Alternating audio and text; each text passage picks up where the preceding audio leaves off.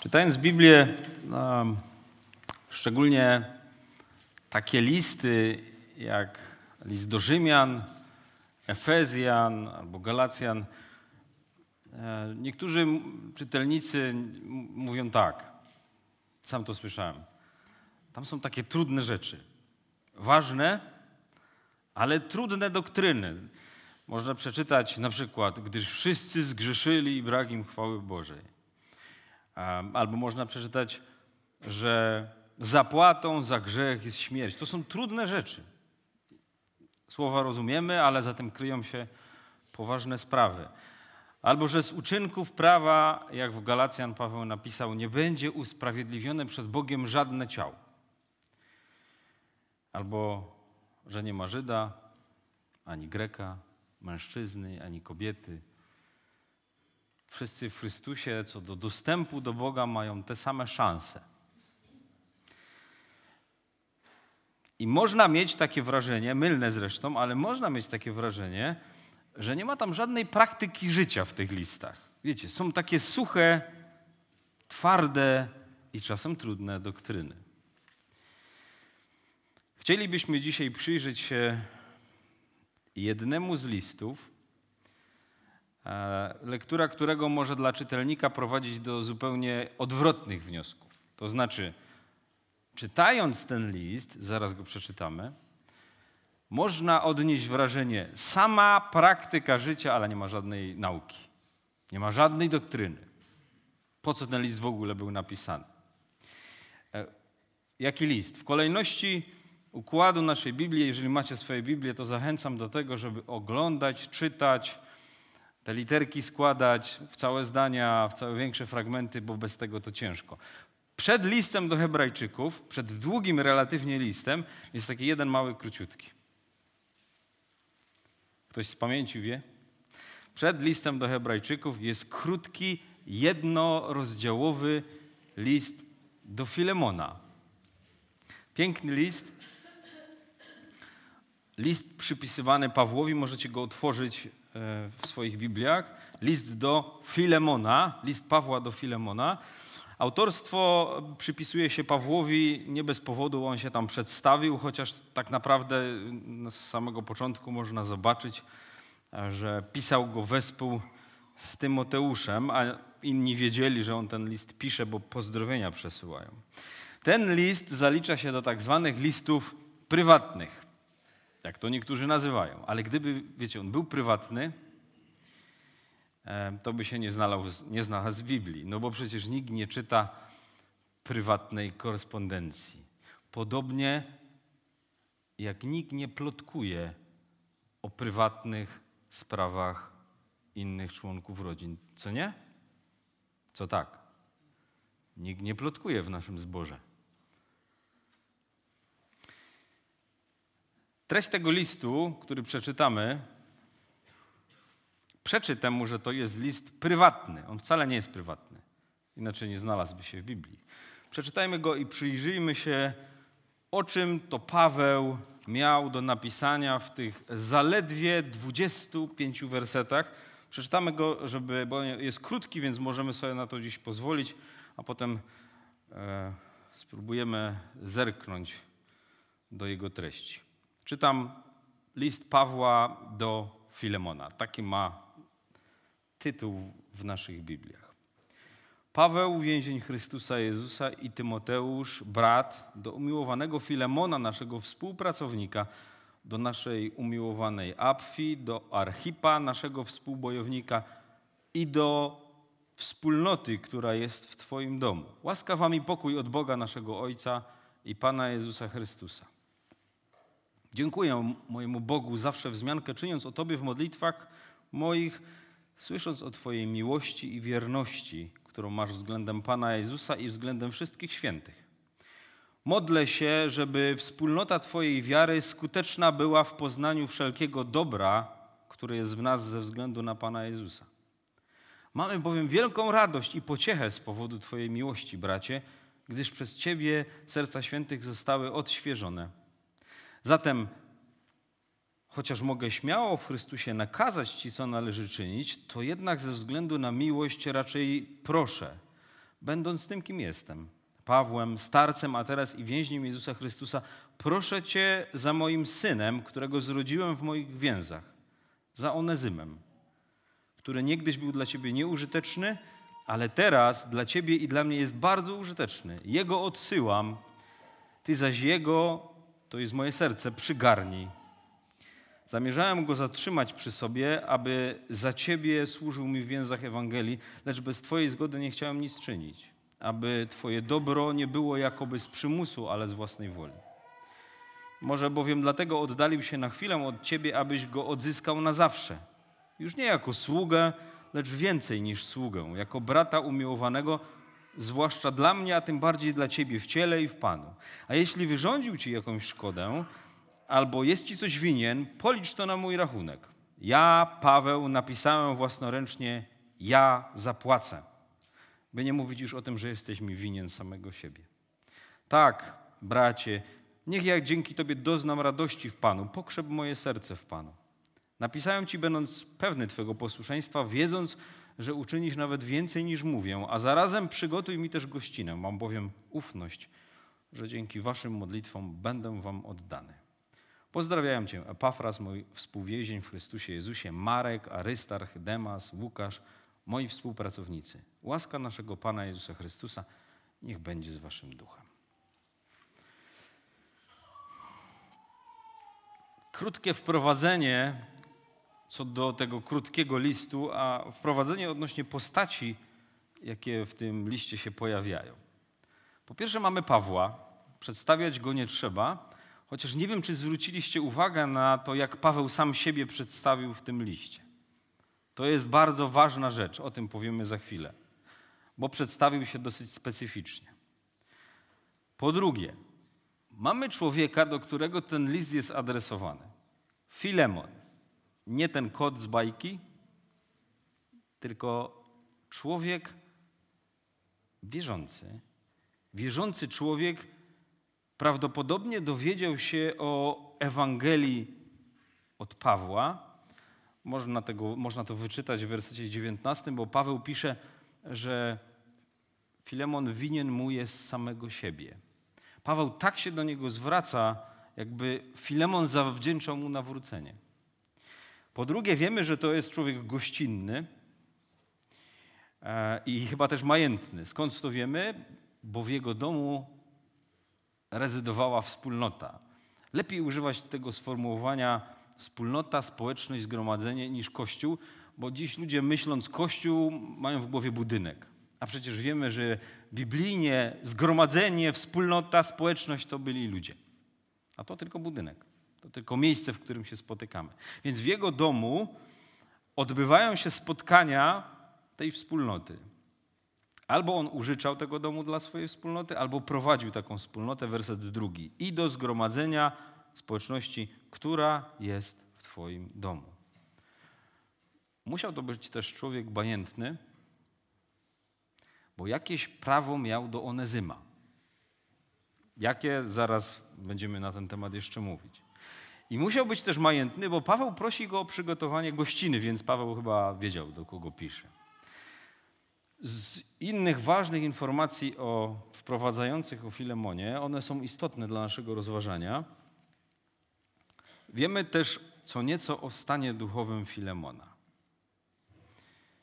To też był człowiek majętny w tym zakresie, w cudzysłowie majętny, dlatego że musiałby to być to człowiek, który był na wysokim duchowym poziomie. Paweł nazywa go umiłowanym bratem, Paweł nazywa go współpracownikiem i używa takich określeń, które zarezerwował do bardzo bliskich współpracowników Ewangelii. E, na samym końcu, werset 24, Paweł tak nazywał ewangelistów, Marka i Łukasza, więc wyróżnił tego Filemona, nazywając go właśnie w ten sposób. To dwie postacie. Paweł, Filemon, no i Onezym. Onezymos, Onezym. Jego również da się scharakteryzować z tego krótkiego listu. Wiemy, że musiał być wcześniej związany z Filemonem. Wiemy, że wyrządził jakąś szkodę Filemonowi i go porzucił. I wiemy, że trafił do Pawła.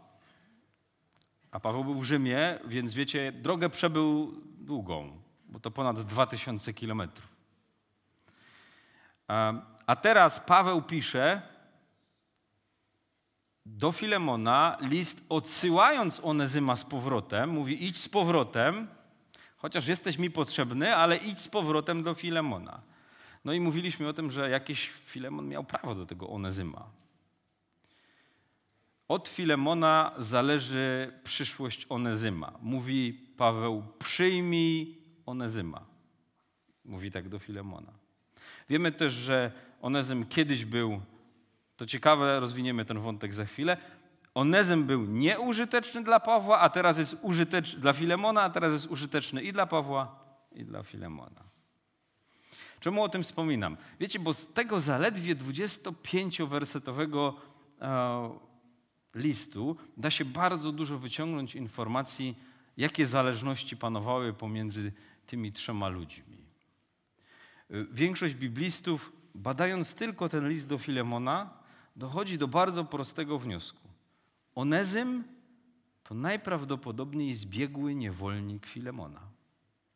Nie musimy czytać nawet specjalnie źródeł zewnętrznych, żeby dowiedzieć się, jak to było.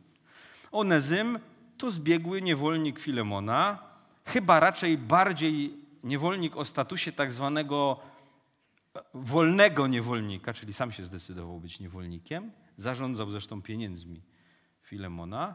Nie wiemy, dlaczego od niego uciekł, ale wiemy, że naraził Filemona na szkodę. Prawdopodobnie zarządzając jego pieniędzmi, chciał się od niego urwać, wziął co nieco i dwa tysiące kilometrów do Rzymu. Czemu do Rzymu? No to z doświadczenia łatwo się domyśleć, bo w Rzymie łatwo się jest zgubić. Nikt cię nie szuka, duże miasto, nie było tak jak dzisiaj kamery. Łatwo było się zgubić w tłumie. I co się dzieje? I to jest ta część, od której się zaczyna. Paweł z jakichś powodów stwierdził, Onezymie, powinieneś wrócić do swojego Pana. Ja myślę, że te dwa tysiące kilometrów, które przemierzał Onezym z listem, który dzierży w dłoni, musiało być trudnymi dwoma tysiącami kilometrów.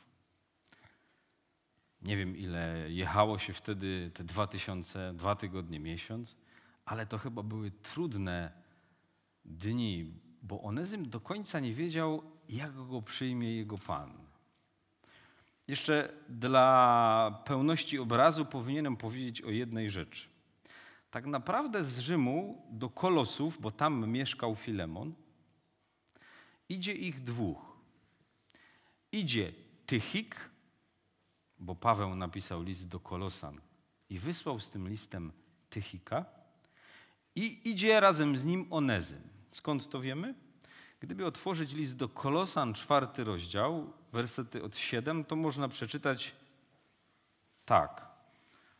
O wszystkim, co się ze mną dzieje, pisze Paweł do Kolosan 4:7, opowie wam Tychik, umiłowany brat, wierny sługa i współsługa w Panu. Posłałem go do was właśnie po to, aby się dowiedział, co się u was dzieje i pocieszył wasze serca. Wraz z Onezymem, wiernym i umiłowanym bratem, który pochodzi spośród was.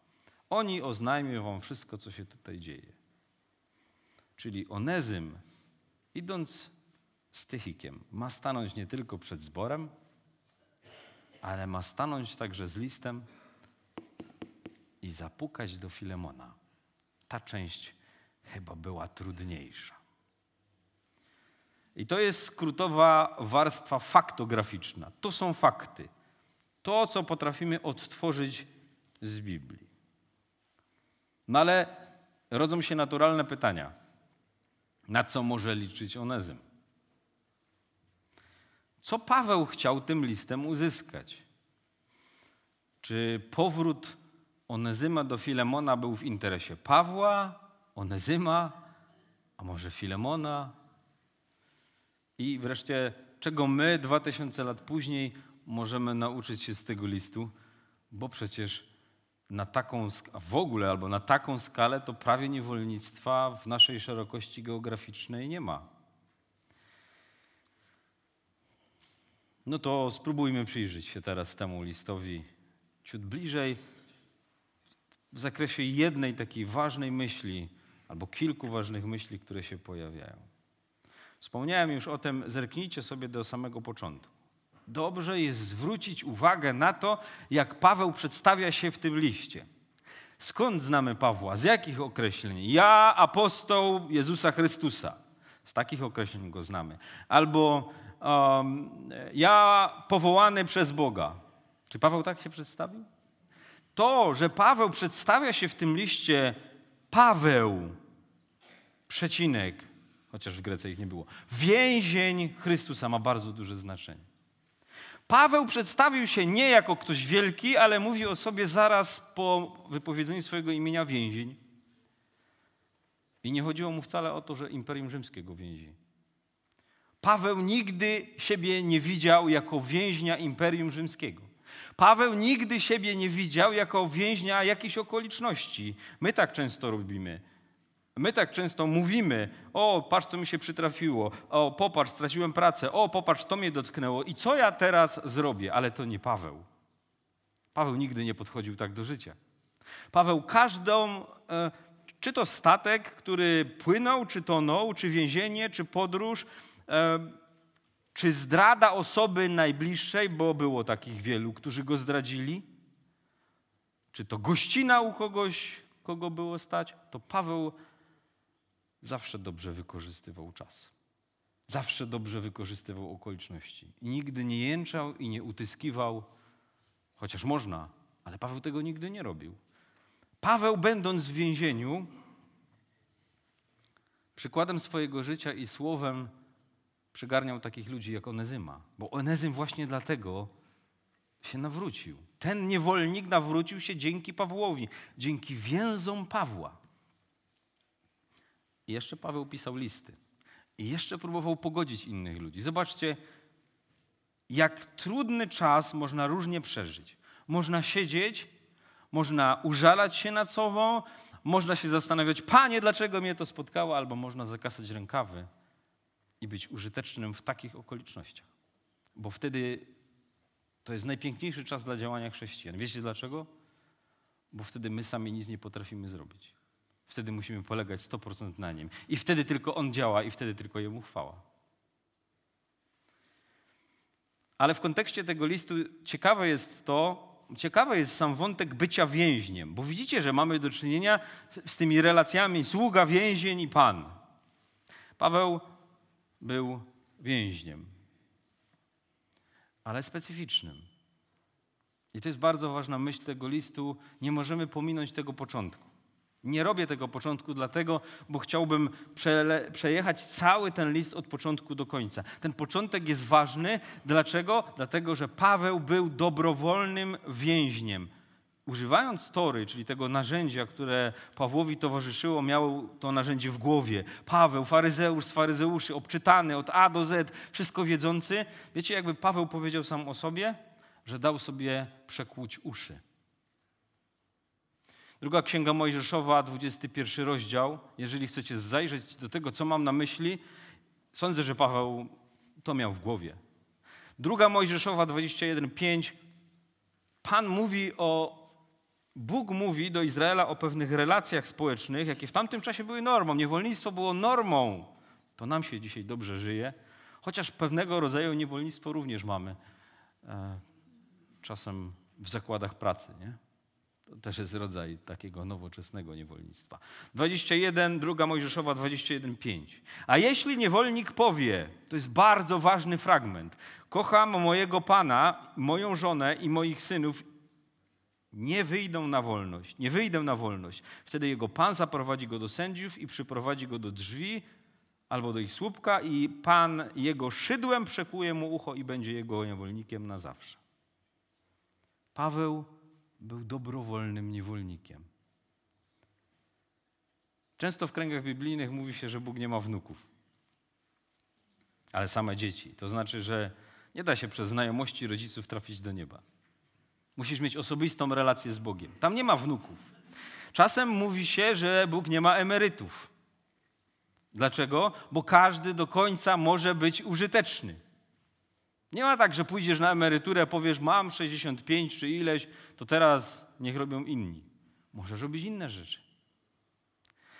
Ale chyba za mało mówimy o tym i za mało podkreślamy tego, że Bóg ma wyłącznie więźniów dobrowolnych. Żadnych innych. Nie da się być człowiekiem uratowanym na siłę. Musisz chcieć być uratowanym. Musisz chcieć powiedzieć i musisz to powiedzieć. Kocham swojego Pana i chcę dobrowolnie za nim iść. Nikt się do tego nie może zmusić. Ci, którzy łamią chleb, robią to dobrowolnie. Ci, którzy to dzisiaj wyznawali, nikt ich do tego nie zmuszał. Ale jeśli nie było tego w Twoim życiu, jeśli nie było tej dobrowolności, jeśli nie powiedziałeś, kocham swojego Pana i chcę dobrowolnie za nim iść, to nic ci nie pomoże, że jesteś tu w niedzielę. Nic ci nie, pomo- nie pomoże, że się modlisz. Nic ci nie pomoże, że łamiesz ten chleb. To są puste rytuały. Musisz chcieć. To jest dobrowolna rzecz. U Boga liczy się tylko to, czy kochasz Go dobrowolnie. I czy tą Twoją dobrowolność w miłości widać na co dzień.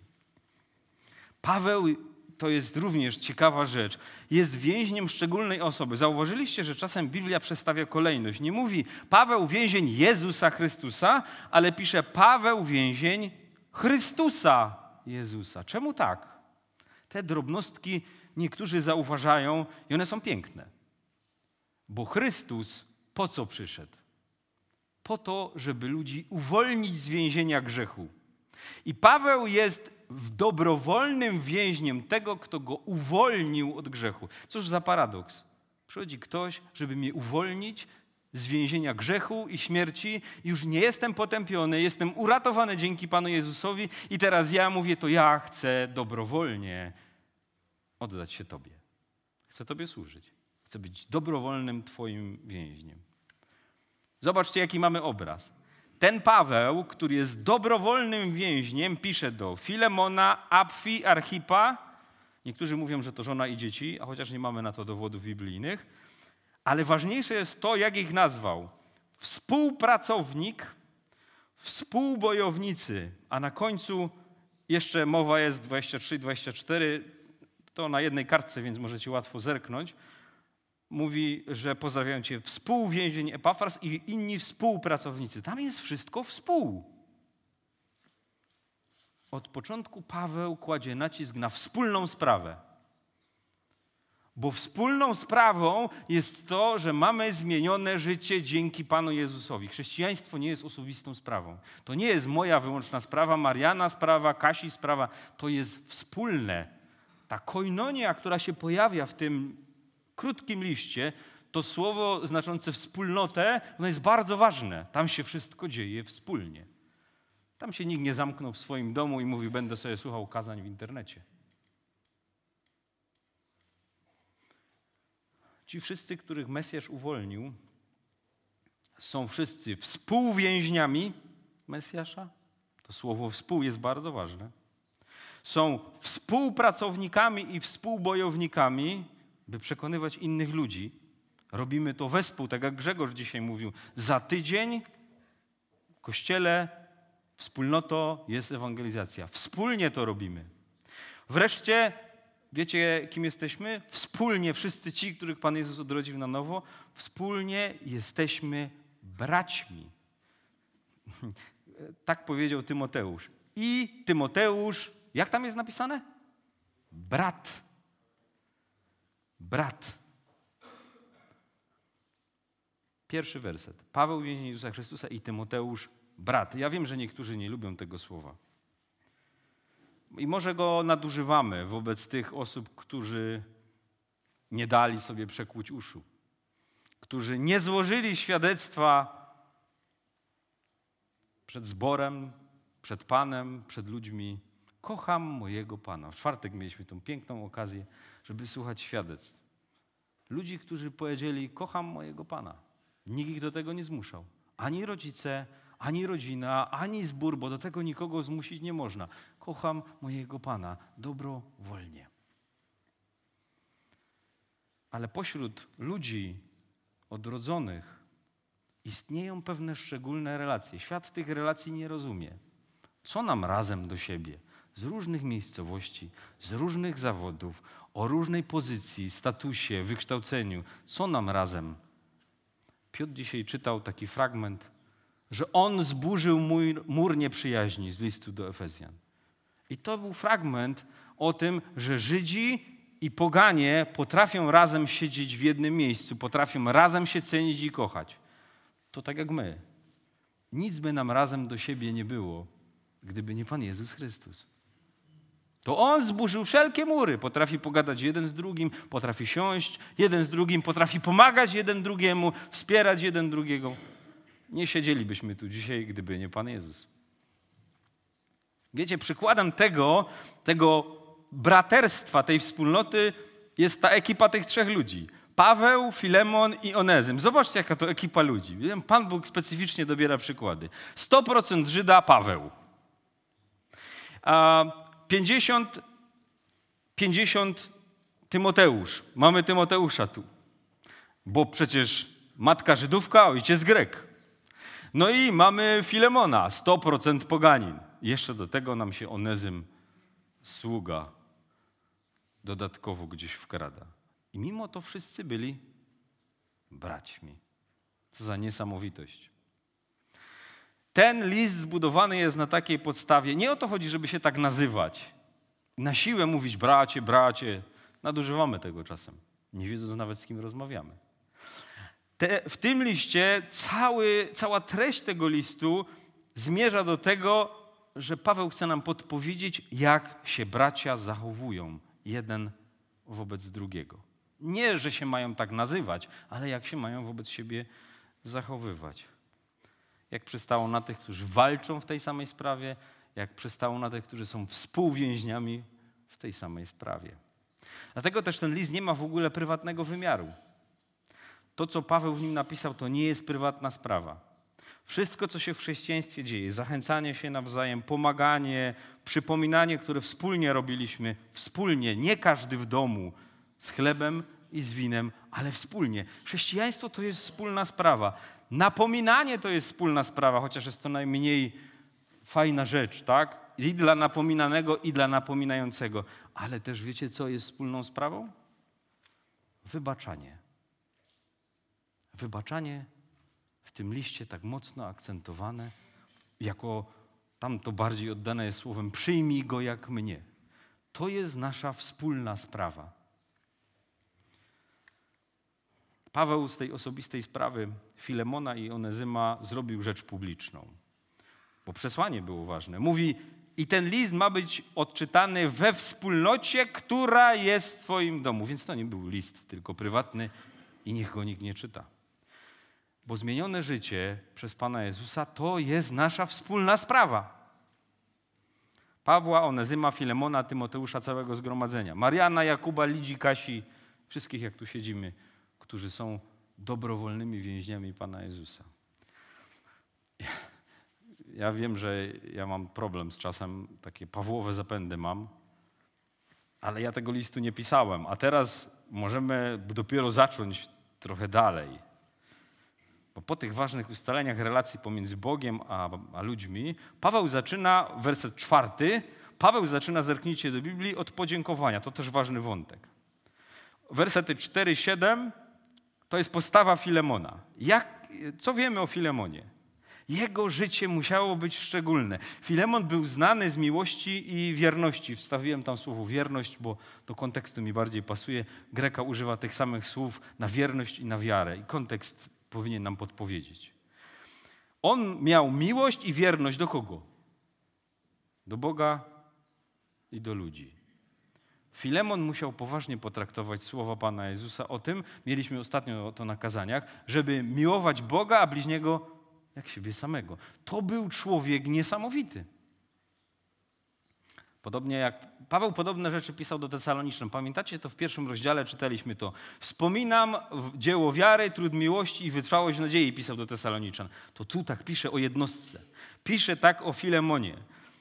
I niesamowitą sprawa, niesamowita sprawa. Pisze, że dzięki niemu serca wierzących zostały odświeżone, pokrzepione to słowo odświeżone mi się spodobało, niektóre tłumaczenia to tak oddają. Czy zdarzyło się tobie ostatnio, przez tydzień, dwa, możesz sięgnąć do miesiąca albo do pół roku, odświeżyć kogoś z Boże dzięki twojemu zachowaniu, dzięki twojej postawie? Przez to, jak ktoś widział, że jesteś zaangażowany, przez to, jak widział, jak odbijasz charakter Chrystusa, jak go powielasz, naśladujesz, przez to, jak wychodzisz naprzeciw, jak przebaczasz. Czy może raczej zamiast odświeżenia komuś z Boża ręce opadły z Twojego powodu?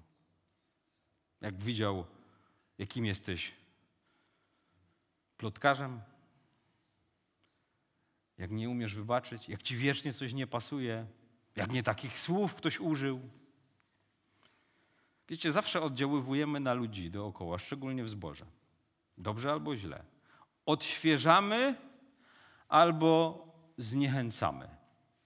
To jest bardzo ważna uwaga. W każdej społeczności, jakakolwiek by nie była, zawsze mamy dwa wpływy na ludzi. Nie ma trzeciego. I Filemon był przykładem osoby, dzięki której inni mieli chęć do dalszego chrześcijańskiego życia. Ręce im nie opadały. A czasem niestety tak jest, że jak przyglądasz się komuś, to mówisz, że ręce mi opadają. Tyle razy i nic. I w zasadzie teraz, od wersetu ósmego, Paweł dopiero podaje powód, czemu pisze. I teraz przechodzimy dopiero do meritum. Po tym całym wstępie, ten wstęp jest bardzo istotny. Paweł zaczyna słowem, zobaczcie jak w waszych Bibliach to jest oddane, werset ósmy, dlatego. Te łączniki są bardzo ważne. Teraz Paweł zacznie to, co chciał powiedzieć w całym liście. Dlatego, zatem, zatem. Filemonie, powiem krótko, zostawiam u siebie Onezyma, to nie twoja sprawa, kropka. Tak jest? Wiecie, Paweł w ogóle nie musiał pisać żadnego listu. To był człowiek z taką pozycją daną mu przez Boga, że on się nie musiał nikomu tłumaczyć. Mógł zapewnić Onezyma, Onezym, u mnie jesteś bezpieczny, nikt cię tu nie ruszy, kropka. Ja, Paweł, za to gwarantuję. Paweł tak nie robi. Paweł mógł napisać do Fileona, Filemon, wysyłam ci Onezyma, nie masz wyjścia, masz go przyjąć. Ja, Paweł, rzekłem, kropka. Przyjąć, wybaczyć, ba, potraktować jak mnie, ugościć. Paweł tak nie napisał. Mógłby, bo miał autorytet od Boga, ale tak nie robił. Wiecie, Paweł w innych listach pisał tak. Pisał do innych wspólnot, nakazuje, polecam, zróbcie to czy tamto, ale tu tak nie pisze. Mnie to zastanowiło. Czemu Paweł nie nakazuje przebaczyć i przyjąć Onezyma?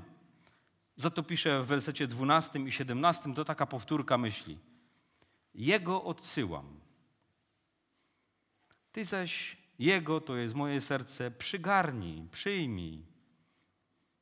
17. Jeśli więc masz mnie za, dosłownie pisze, uczestnika wspólnej sprawy, a nie przyjaciela, przygarnij go jak mnie. Jakiej sprawy? No, tam jest wszystko współ. Współ, więc to jest wszystko wspólna sprawa. Ta dzieło Ewangelii, to odbijanie charakteru Chrystusa, to jest nasza wspólna sprawa. To nie jest moja sprawa, ani twoja, ani twoja. To jest nasza wspólna sprawa. Paweł prosi, pisze, Dlatego, chociaż mogę śmiało w Chrystusie nakazać Ci, co należy czynić, to jednak proszę. Proszę Cię, Filemonie. To taka ciekawostka z greki. Ułożenie słów w grece pokazuje, jak Paweł specyficznie pisał. Zobaczcie do wersetu 10, jak to w waszych Bibliach jest oddane, chociaż w większości chyba naszych przekładów tłumacze poszli za dobrym czytaniem, a nie za wiernością kolejności słów. Już mówię o co chodzi. Dziesiąty werset w oryginale idzie tak. Proszę cię za moim synem, którego zrodziłem w moich więzach, za Onezymem. Tak to idzie w Grece. Czemu kolejność jest ważna? Bo on dopiero na końcu wymienił tego Onezyma. Wyobraźcie sobie Filemona, który czyta list od Pawła. Taki piękny wstęp. Wow, wszyscy Cię znamy, Filemonie, z tego. Nasze serca są pokrzepione. Ale mam do Ciebie taką prośbę. E, chciałbym Cię prosić, bo jest taki jeszcze jeden ktoś oprócz Ciebie, to jest taki inny syn. Jego zrodziłem w więzach. Ja sobie wyobrażam tego Filemona, który czyta, wiecie, i wow, jakie teraz będzie imię? I teraz ząg. Za Onezymem. Na samym końcu. Mało tego. Tekst polski tego nie oddaje ale w Grece imię Onezym znaczy użyteczny. Zobaczcie, jak to brzmi. Który za moim synem Onezymem, czyli za moim użytecznym, który kiedyś był nieużyteczny, ale teraz jest użyteczny dla ciebie i dla mnie. Kiedyś był Onezym użyteczny, był nieużyteczny, ale teraz Paweł może się nim posługiwać w dziele Ewangelii. Wracając do meritum. Czemu Paweł prosi, a nie nakazuje? I to jest bardzo ważna nauka przedstawiona w tym liście. Niektóre listy, Rzymian, Efezjan, mogą dawać mylne wrażenie, że tam są same doktryny, a nie ma praktyki. A w tym liście można mieć takie wrażenie, że jest sama praktyka, a nie ma doktryny. Nic bardziej mylnego. Paweł uczy przez przykład z życia. Paweł mówi tak, dziewiąty werset, bardzo ważna uwaga. To jednak ze względu na miłość raczej proszę. Ze względu na miłość raczej apeluję do Ciebie. Wiecie, do czego Paweł zaapelował? Paweł odwołał się do jego motywacji.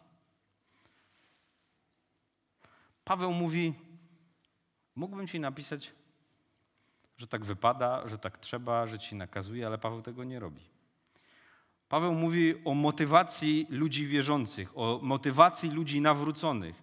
Mówi: chrześcijaństwie nic się nie dzieje z tego powodu, bo tak wypada, bo tak trzeba, bo tak mówią starsi, bo tak mówi tata. Motywem naszych działań ma być miłość do tego, który nas uratował. Proszę Cię raczej ze względu na miłość, ze względu na miłość do Boga. Dlatego w Ewangelii Łukasza i w wielu innych fragmentach idziemy od miłości do Boga do miłości do ludzi. Będziesz miłował Boga, a z tego wynika miłość do ludzi. Nie da się miłować ludzi, których widzisz, bez miłości Boga. Jak możesz powiedzieć, że kochasz człowieka, którego widzisz? Widać to, że tego nie robisz.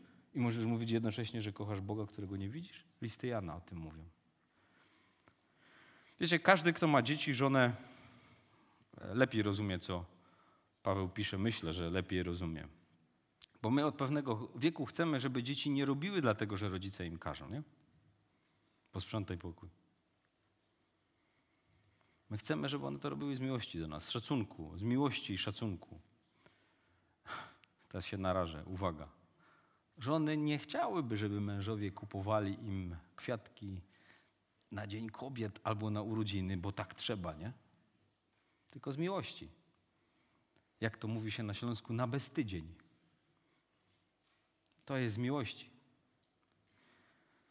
Starsi zboru i nauczyciele chcieliby widzieć zborowników, którzy, jak już jesteśmy w tym kontekście, przestają plotkować nie dlatego, że się im mówi to raz, drugi, trzeci skazalnicy, tylko z miłości do Boga i z miłości do tych ludzi, którzy mają jakiś problem. Przyzwyczailiśmy się do tego, że robimy pewne rzeczy nie dlatego, że kochamy Boga, ale dlatego, że tak trzeba. I szczególnie środowisko religijne ma taką skazę w kierunku skręcania, bo tak trzeba. Dam wam przykład. Izraelici dobrze zaczynali, ale zeszli z tej drogi.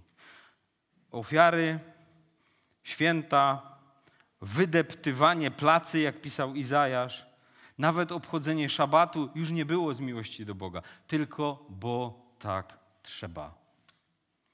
I to było suche, to było bez życia, to było bez miłości do Boga. To nie było powodowane miłością do Boga. I chrześcijanie XXI wieku też tak potrafią.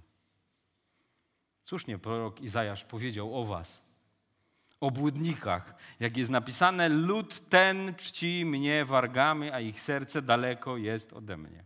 I to były słowa do Izraela. ale my bardzo często ocieramy się zbyt blisko takiego zachowania. Robimy coś, bo trzeba, a nie dlatego, że motywem naszego działania jest miłość do Boga. Jak komuś mało, to dobije kolanem. Pan Jezus powiedział w Jana 14: Jeśli mnie miłujecie, będziecie zachowywać moje przykazania. Przecież mógł im powiedzieć: Uczniowie, zachowujcie moje przykazania. Nie powiedział tak. Powiedział Jana 14, 15, jeżeli ktoś robi notatki, jeśli mnie miłujecie, zachowywać będziecie moje przykazania. Motywacja, czyli powód, z jakiego robimy, przeżywamy życie, zachowujemy się, mówimy, milczymy, ma wynikać z miłości do Boga. Mam do Was takie pytanie. Z jakiego powodu tu dzisiaj przyszliście? Co było motywacją? Rodzice? Bo się skończył abonament na Netflixa? Bo nie ma co robić w domu? To nie są powody wzięte z kapelusza. To niestety można słyszeć. Przyszedłem tu, bo nie chciałem jej robić przykrości. Czy na pewno to dobra motywacja? Czy ona ma znaczenie przed Bogiem? Sądzę, że nie. Co jest motywacją, że czytasz Biblię? Chcesz wiedzieć więcej? Chcesz być mądrzejszy? Chcesz powiedzieć innym, ile potrafisz, albo udowodnić sobie, że ja też mogę? Czy może bardziej chcesz poznawać Boga i chcesz się Jemu podobać? To jest dobra motywacja, bo ona wynika z miłości. Każda inna przed Bogiem nie ma znaczenia.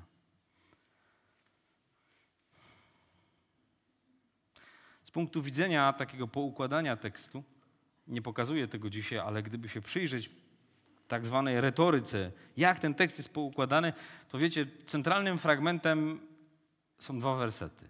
Werset 13 i 14. Paweł mówi tak: Zamierzałem go przy sobie zatrzymać, ale za, aby zamiast za ciebie służył mi w jęzach Ewangelii, mowa o tym Onezymie, uwaga, lecz bez twojej zgody nic nie chciałem czynić, aby twoje dobro, dosłownie pisze dobro, aby twoje dobro nie było z przymusu. Nie, bo tak trzeba, nie, bo tak w zborze mówią, nie, bo tak chyba powinienem zrobić, ale z własnej woli.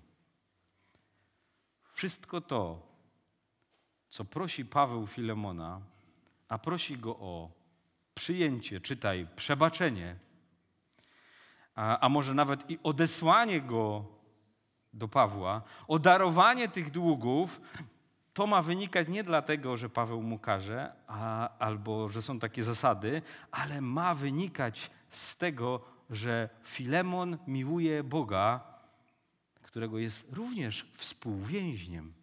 To czemuż miałby się inaczej zachować? Bycie więźniem Jezusa, współpracownikiem w Ewangelii, bycie bratem to jest najtrudniejsza część. Ciągle uważam, że bycie bratem jest najtrudniejszą częścią. Musi wynikać nie z przymusu, ale z dobrowolności. Zastanawiające jest to, w czyim interesie było odesłać Onezyma do Filemona. Popatrzcie na to. Czy to było w interesie Pawła, żeby Onezym trafił do Filemona? Nie sądzę. Paweł pisze, on mi jest tu potrzebny, ja bym go nie odsyłał. To może w interesie Onezyma było to, żeby Onezym z powrotem trafił do swojego pana? Też nie sądzę. Było ryzyko. Prawo mocno kazało takie sytuacje potępiać. Prawo dawało podstawy Filemonowi, prawo rzymskie dawało podstawy Filemonowi, żeby go zabić, a jak Pan był wielce miłosierny, to wypalić mu znak na czole, albo może jeszcze wychłostać. A nacisk społeczny był taki, żeby to zrobić. Dlaczego? Bo wyobraźcie sobie, że całe imperium rzymskie stało na niewolnictwie. Jeżeli odsetek niewolników w tamtym czasie Według danych, jakie posiadamy dzisiaj, to prawie 20% na populację Imperium Romanum, to niewolników było między 10 a kilkanaście milionów ludzi. Wyobraźcie sobie, gdyby popuścić w małym tylko jednemu niewolnikowi, drugiemu i trzeciemu, byłaby rewolta. Dlatego Filemon był w trudnej sytuacji. My tego dziś może nie rozumiemy, mówimy w ogóle, co to o tym niewolnictwie. Ale oni byli do tego przywykli. Życie bez niewolnika to nie życie. To jak dzisiaj życie bez wielu rzeczy dla nas. W tym kontekście kulturowym Filemon powinien był ukarać Onezyma. To może w interesie Filemona było, żeby Onezym wrócił. Hmm. Mówiąc krótko, dobrze jest zadać sobie pytanie, po co Paweł wysłał Onezyma z powrotem? Zacznijmy od Filemona. mnie to zastanowiło, dlaczego Paweł pisze do tak wysoko do takiego człowieka na takim duchowym, wysoko poziomie, jak Filemon. Najpierw go wychwalił, że super człowiek, że prowadzi zbór, że e, serca innych są odświeżone jego postawą, a potem mu pisze, no przyjmij tego Onezyma. Dlaczego Paweł poucza takiego ugruntowanego w wierze Filemona? Bo miłości trzeba się uczyć w każdym wieku. To jest ciągła praca. W momencie, kiedy człowiek zawrócił i idzie za Bogiem, musi się uczyć miłości do Boga i do ludzi. Ale również musisz się uczyć dalej, do śmierci. Jak masz 50 lat i chodzisz z Bogiem 30, czy jak masz 80 czy więcej, dalej musisz się uczyć miłości do Boga i tej trudniejszej części nawet, miłości do innych ludzi. Wszystko ci będzie przeszkadzać. Czym starszy człowiek, ma swoje przyzwyczajenia. Tamten przeszkadza, tamten, ten się nie odezwał, a tam ci źle powiedzieli, a tu w zborze jest coś nie tak. Miłości się trzeba uczyć do końca życia. Dlatego nawet Filemon, ten ugruntowany, duchowy człowiek, dostał od Pawła takie przypomnienie. Przyjmij go, popatrz. Zaraz powiemy dlaczego. Werset szósty jest ciekawym wersetem. Zerknijcie do, do Biblii. Werset szósty. Paweł między wersetem piątym a siódmym, łatwo się domyślić, że jest szósty, pisze w wersecie szóstym tak. Modlę się, chciałbym, tego słowa nie ma w Grece, ale dosłownie tak można by to wstawić. Chciałbym, aby wspólnota Twojej wiary skuteczna była w poznaniu wszelkiego dobra, które jest z nas. Powiem to tak prosto. Wiecie, co Paweł by chciał?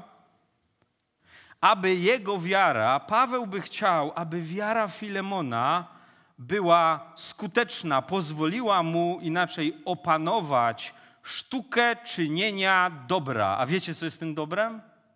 Miłowanie Boga i miłowanie ludzi. To jest sztuka. Paweł się o to modli. Paweł mówi: Ja wiem, że ty taki jesteś, ale ja się modlę, żebyś ty opanował tą sztukę czynienia dobra do końca. Przez kogo? Dzięki komu? Dzięki Panu Jezusowi. Nie potrafimy kochać ludzi bez Pana Jezusa. Tylko On daje siłę do tego. Po pierwsze, ten list jest potrzebny, trudno się nie domyślić, do samego Filemona. On miał się z tego nauczyć, przypomnieć sobie znowu na nowo, że musi do końca pamiętać o uczeniu się kochania Boga i ludzi. Nikt nie jest z tego zwolniony. Nie myślcie sobie, że jak długo chodzicie z Bogiem, możecie przestać się uczyć, znowu zawracać, kochać Boga i ludzi. Po drugie, cała ta sprawa była konieczna również dla Onezyma. To może bardziej dla młodych. Paweł o tym wiedział, że niezałatwione sprawy z poprzedniego życia trzeba uregulować. Dla dobra Ewangelii i dla dobra świadectwa. Grzegorz wspomniał w czwartek Zacheusza. To był taki mały celnik, który siadł na drzewie i Pan Jezus wszedł do jego domu, widząc, że ten człowiek szuka Boga. Wgramolił się na to drzewo, ale nie to drzewo i nie wzrost tego celnika jest najważniejszy. Wiecie co? Celnik, kiedy się nawrócił, to mówi: Tego, kogo skrzywdziłem, oddam poczwórnie. To nawet celnicy wiedzieli, że trzeba naprawić wyrządzoną szkodę. A my często mówimy tak: Nie, teraz wszystko stało się nowe, tamto stare to już w ogóle tam do szafy. Ale bycie chrześcijaninem rozwiązuje problem życia wiecznego, ale często nie usuwa naszych komplikacji ze starego życia. Ale ty możesz coś zmienić. Ty możesz iść, możesz przeprosić, możesz oddać, możesz naprawić i tak powinniśmy robić. List do Filemona też jest o tym. Onezym, idź z powrotem do swojego Pana. To, że się nawróciłeś, chwała Panu, ale idź, stań przed Nim. No musisz to wyjaśnić. To jest prosta historia, ale ona jest opisem biblijnej doktryny. Jeżeli masz niezałatwione sprawy ze swojego starego życia, idź i to załatw. Nie czekaj z tym. Nawet jakbyś miał iść 2000 kilometrów. Po trzecie, sprawa Onezyma i Filemona była też potrzebna dla innych. To jest w tym miejscu, w domu Filemona zbierała się wspólnota. Wyobraźcie sobie, staje Onezym, puka z tym listem i teraz ci ludzie, którzy wiedzieli, widzieli, że Onezym kiedyś uciekł, nagle widzą tego człowieka i co z nim zrobić? I wiecie, na kogo wszyscy się patrzyli, jak on tam zastukał w tym domu? Na Filemona. I co, I co teraz? Cała ta sprawa była potrzebna wspólnocie, żeby Filemon, on miał najtrudniejsze zadanie, mógł pokazać odpowiednią postawę, że tak zachowuje się człowiek nawrócony. I to jest nie ma Żyda ani Greka. Ten list wcale nie nawołuje do obalenia niewolnictwa. Ten list mówi: Nie znamy już kogoś według ciała, znamy go inaczej to jest nasz brat. On wcale nie musiał przestać być zatrudniony u tego Filemona, ale on stał się bratem. Przez właściwą postawę, werset 20 pisze: Tak, bracie, niech ja dzięki Tobie doznam radości w Panu, pokrzep moje serce w Panu. Ta cała sprawa, po trzecie, była dla całej wspólnoty. Wspólnota jest zbudowana właściwą postawą braci albo zdruzgotana, jak bracia nie potrafią się zachować. Jak sobie listy piszą, jak sobie wyrzucają, wygarniają, cała wspólnota jest zdruzgotana. Ale jest zbudowana, kiedy jeden wychodzi i mówi: Chciałem publicznie powiedzieć, że zawaliłem tamtą sprawę, ale pogodziłem się z bratem. Wiecie, to jest piękne. Na koniec Cały ten kazus Onezym, Filemon, cała ta sprawa Onezyma i Filemona była pokazaniem najważniejszej absolutnie doktryny, jaką możemy wyczytać z Biblii. Wiecie, strasznie się ucieszyłem, gdy czytałem ten list. To jest nauka najważniejszej doktryny przez przykład. Paweł pisze, zajrzyjcie jeszcze raz do Biblii, Paweł pisze w sprawie winnego człowieka, winnego Onezyma, wcale nie umniejsza jego winy. Pisze do Filemona w wersecie 18 tak. A jeśli wyrządził ci jakąś szkodę, albo jeśli coś winien, policz to na mój rachunek. Ja, Paweł, napisałem własnoręcznie, ja zapłacę. Te dwa zdania, policz to na mój rachunek i ja zapłacę, te dwie frazy. Wiecie, co Paweł zrobił? Paweł stanął w miejsce winnego Onezyma i powiedział: Policz to na moje konto. Ja zapłacę za wszystko, co Onezym jest Tobie winien. Przeczytałem jeden komentarz do listu do Filemona, w którym autor pisze, że Paweł był zręcznym psychologiem i manipulatorem. Że wiedział, co powiedzieć, żeby uzyskać, co chce. Czyżby? Paweł przez własny przykład, który powielił, pokazał Filemonowi, jak w praktyce ma wyglądać braterstwo, jak w praktyce ma wyglądać bycie współwięźniem Chrystusa, jak w praktyce ma wyglądać współbojowanie w dziele Ewangelii. Wszystko to, co Paweł zrobił, oparte było o Chrystusa i o Jego przykład. Paweł nie wymyślił nic nowego. Paweł mówi, stąd ten przykład wiedział, że dotrze do Filemona. Paweł mówi, zalicz na moje konto. Ja się dobrowolnie na to zgadzam, żebyś zaliczył na moje konto. Jezus dobrowolnie stanął w nasze miejsce. I Paweł powielił ten przykład. Jeśli rozumiesz, co dla ciebie zrobił Pan Jezus, że On wziął na siebie nasze cierpienia i naszą boleść znosił, tak jak to zapowiedział Izajasz. Jeżeli rozumiesz, co powiedział Pan Jezus, zapłacone, ja zapłaciłem, Ja się wstawiłem i ja się wstawiam, bo list do Hebrajczyków mówi w rozdziale siódmym i żyję zawsze, żeby wstawiać się za nami, to wtedy pojmie, pojmiesz i podejmiesz właściwe wybory w życiu. Wiecie, każdy z nas jest onezymem przed Bogiem. Każdy z nas, bo nie ma innych ludzi. Każdy z nas w czymś zawalił. Każdy z nas jest uciekinierem. Każdy z nas sprzeniewierzył to, co mu Bóg dał. I za takich właśnie Chrystus stanął i powiedział: Ja zapłaciłem. Policz na moje konto. To jest piękny list, bo on przez prosty przykład z życia pokazuje najważniejsze doktryny. Czy mając tego świadomość, to zupełnie na koniec, czy mając tego świadomość, co Pan Jezus zrobił, czy ktokolwiek ma z Was odwagę powiedzieć, nie wybaczę żonie? Czy ktokolwiek ma odwagę powiedzieć, nie wybaczę dziecku, nie wybaczę tacie, nie wybaczę mężowi, sąsiadowi, nie wybaczę temu bratu ze zboru, bo tak mnie zranił i poniżył.